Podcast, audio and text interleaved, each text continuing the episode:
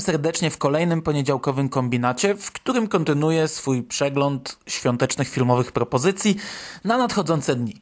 I dziś będzie w zasadzie dość tematycznie. Choć tematu nie wyczerpię, ale każdy z omawianych filmów opowiadać będzie o mordercy w stroju świętego Mikołaja lub o samym Mikołaju, e, czy też jego alternatywnej, krwiożerczej wersji. Przed tygodniem zacząłem od obrazu, który bardzo umownie nazwałem horrorem, i dziś też na wejście mam coś podobnego, a mianowicie film, który u nas został wydany pod tytułem Zły Święty i ponownie nie mylić z komedią Zły Mikołaj, czyli Bad Santa. Oryginalny tytuł filmu, o którym mówię, to Santa's Slay. W roli diabolicznego Mikołaja wystąpił wrestler Bill Goldberg. A sam film jest taką cholernie przesłodzoną świętami opowiastką o Mikołaju, wyżynającym w pień wszystkich, którzy wejdą mu w drogę. E, ogólnie chodzi o to, że dawno temu Mikołaj był diabłem, a Wigilia dniem rzezi. Ale Mikołaj był też hazardzistą i założył się z aniołkiem, a że zakład przegrał, to na tysiąc lat musiał stać się dobry i roznosić prezenty. Dziś mija równo tysiąc lat od tego wydarzenia i Mikołaj chce sobie odrobić z nawiązką ten stracony czas. Oczywiście film to czysta rozrywka, nie mająca wiele wspólnego z horrorem, ale że jest krwawo, to zaliczam ten film do tego podgatunku świątecznych produkcji. Osobiście strasznie lubię ten film. Oglądałem go już wiele razy w różnym gronie i choć chyba zawsze towarzysze wymiękali, nie dając rady przetrawić tego rodzaju humoru, to ja uwielbiam ten film i powoli nie wyobrażam sobie świąt bez seansu. Co więcej, y, zresztą podobnie jak omawianego przed tygodniem Jacka Frosta, traktuję to jako krwawy odpowiednik polsatowego kina familijnego przeznaczonego na wigilijne przedpołudnie. Santa Slay oglądam albo właśnie wtedy, albo 23 grudnia. Ale zawsze zostawiam go sobie prawie na koniec i jak zawsze polecam, choć uprzedzam, że jest to rozrywka najniższych lotów ze śladową ilością fabuły. Pozostajemy przy temacie Mikołajów i przechodzimy o szczebel wyżej. Podobna fabuła, w której święty Mikołaj jest diabłem mordującym dzieci, gotującym je w kotłach z wrzątkiem i tak dalej, Film w serwisach tematycznych określany jest jako komedia, fantazy, przygoda, a nawet jako kino familijne i podobnie jak jego poprzednik mm, ma niewiele wspólnego z horrorem, ale ja wrzucam go do tego worka. Mówię tutaj o skandynawskim obrazie Rare Exports A Christmas Tale. Historia zaprezentowana w tym także dość krótkim obrazie wygląda następująco. We wnętrzu góry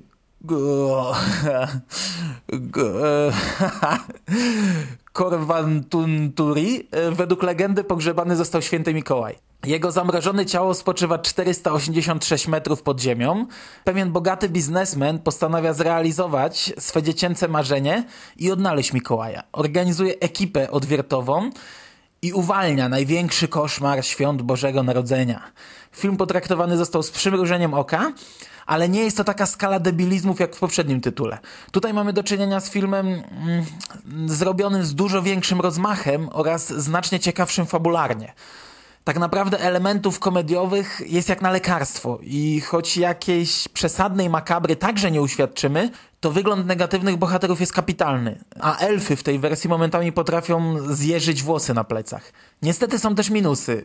Film jest jednak dość nudny i przez pierwsze 50 minut co chwila zrekałem na licznik, a że jest to krótki obraz, to gdy doszło wreszcie do jakiejś akcji, kończy się ona zdecydowanie za szybko. Tak czy inaczej polecam, bo choć rozrywka to umiarkowana, to film dobry i warto obejrzenia.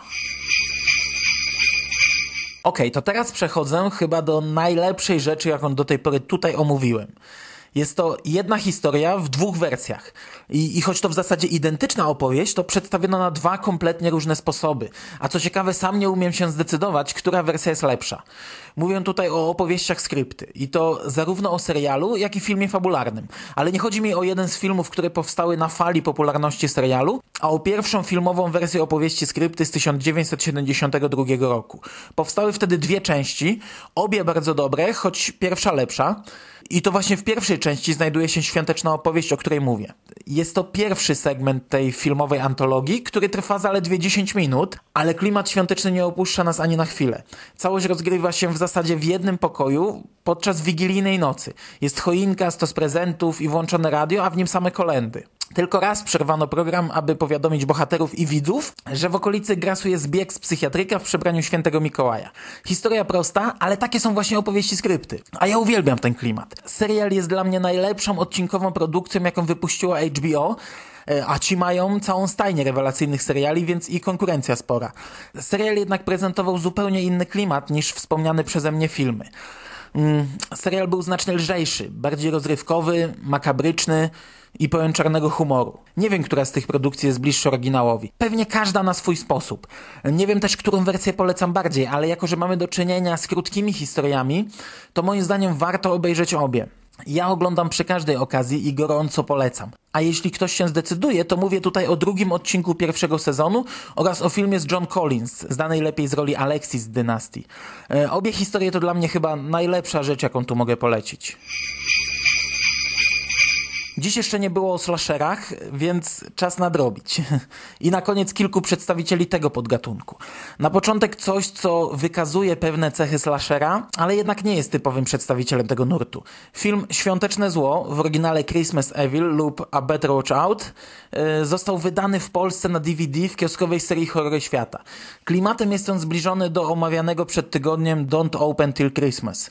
Jest to raczej cięższy film, którego ktoś w jakiejś recenzji w internecie porównał do taksówkarza. I coś w tym jest, choć to no, kino zupełnie innego kalibru. Głównym bohaterem jest sfrustrowany pracownik fabryki zabawek, który w dzieciństwie przeżył traumatyczne wydarzenia podczas, a jak żeby inaczej, świąt Bożego Narodzenia. Teraz w ciągu roku obserwuje dzieci sąsiadów, prowadzi dzienniki, w których zapisuje ich dobre i złe uczynki.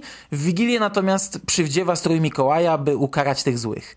Jest to film ciekawy i na pewno warto się z nim zapoznać, szczególnie, że można go kupić za grosze.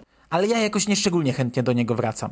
Choć zdaję sobie sprawę, że jest o kilka klas wyżej niż niektóre omawiane tutaj przeze mnie tytuły, przy których rozpływam się z zachwytów. I na koniec jeszcze dwa filmy, z których jeden jest bardzo ważnym obrazem w historii tego gatunku, a drugi jego remake'iem. Mowa oczywiście o wychwalanych pod niebiosa Black Christmas z 1974 roku oraz mieszanym z błotem odpowiedniku z 2006 roku, wydanym u nas na DVD pod tytułem Krwawe Święta. Ja już na wstępie zaznaczam, że nie należę do tych fanów horroru, którzy oglądają go tylko po to, by krytykować. Lubię horror i oglądam go z przyjemnością. Zdaję sobie sprawę, że większość horrorów nie przedstawia sobą żadnych wartości jako film, ale i tak je oglądam, bo lubię ten gatunek. Oryginalna wersja Black Christmas to dla mnie jeden z najlepszych horrorów, a na pewno najlepsza pełnometrażowa rzecz, jaką można obejrzeć na święta. Y, dlatego ja zostawiam sobie ją zwykle na wigilijny wieczór, kiedy to wraz z siostrą kończę swój grudniowy maraton. Mimo całego uwielbienia, jakim darzy oryginał, nie uważam go za świętość, której nie wolno tykać. Wręcz przeciwnie, byłem zachwycony, gdy usłyszałem o planach stworzenia remake'u. A jeszcze bardziej ucieszyło mnie, gdy stało się oczywiste, jaką drogą podążą twórcy nowej wersji. I że będzie to zupełnie inna droga. I tu trzeba wyraźnie zaznaczyć, że są to produkcje bardzo różne. Tak jak pierwowzór był filmem o dość gęstym klimacie, balansującym w zasadzie między thrillerem a bezkrwawym horrorem. Tak remake to typowy szablonowy teen slasher. Dostajemy stado tępych, pijanych i wulgarnych lasek, które szykują się, by wyjechać do domu na święta, a w międzyczasie są wyżynane przez psychopatę, który tej nocy uciekł z pobliskiego szpitala psychiatrycznego. W przeciwieństwie do oryginału dostajemy też podaną na tacy całą historię mordercy, czyli Billiego. Począwszy od jego narodzin, twórcy zgrabnie przeplatają nam przeszłość z teraźniejszością. W nowej wersji Black Christmas, w przeciwieństwie do oryginału, sceny morderstw są krwawe, momentami obrzydliwe i doprawione odrobiną gore. Przykładowo motyw z pierniczkami wyciętymi z ludzkiej skóry, zapijanymi mleczkiem, no naprawdę robi wrażenie. Wszystko to polane jest gęstym, świątecznym sosem i w konsekwencji otrzymujemy naprawdę pokaźną dawkę rozrywki na grudniowy, śnieżny wieczór. Bo choć nowa wersja to film nie prezentujący są wiele i jako slasher jest wtórna i schematyczna, to jako świąteczna rozrywka sprawdza się idealnie. Niestety oryginalna wersja nie została wydana w Polsce, ale remake bardzo tanio można kupić u nas na DVD. I ja w przeciwieństwie do 99% fanów gatunku polecam oba filmy. Oryginał to bardzo niedoceniony obraz, który tak naprawdę jest jednym z prekursorów tego podgatunku. W tej chwili może momentami trochę nudzić, ale tak naprawdę po prawie 40 latach cały czas ogląda się to świetnie. Remake natomiast jest znacznie bardziej rozrywkowy. I ja zdaję sobie sprawę, że ten film jest jaki jest. Ale gdyby nie nowa wersja, to wiele osób do dziś nie wiedziałoby o istnieniu oryginału. Ja z pełną świadomością polecam oba, bo oba są idealnym wyborem na nadchodzący tydzień. I na tym kończę dzisiejszy przegląd, jednak to nie koniec tego cyklu. Planowałem wyrobić się w okresie przedświątecznym, ale za tydzień, w drugie święto Bożego Narodzenia, przygotuję dla Was jeszcze jeden odcinek. Już wiem, że nie wyczerpię tutaj całego tematu, ale i tak wyjdzie mi chyba najbardziej obszerny przegląd z tych, które dotąd pojawiały się w internecie. Trzymajcie się ciepło. Miejmy nadzieję, że w tym tygodniu wreszcie zima zrobi co do niej należy i zaskoczy kierowców. A, a jako, że przez najbliższy tydzień już się na łamach tego podcastu nie usłyszymy, to wesołych świąt i do usłyszenia za tydzień.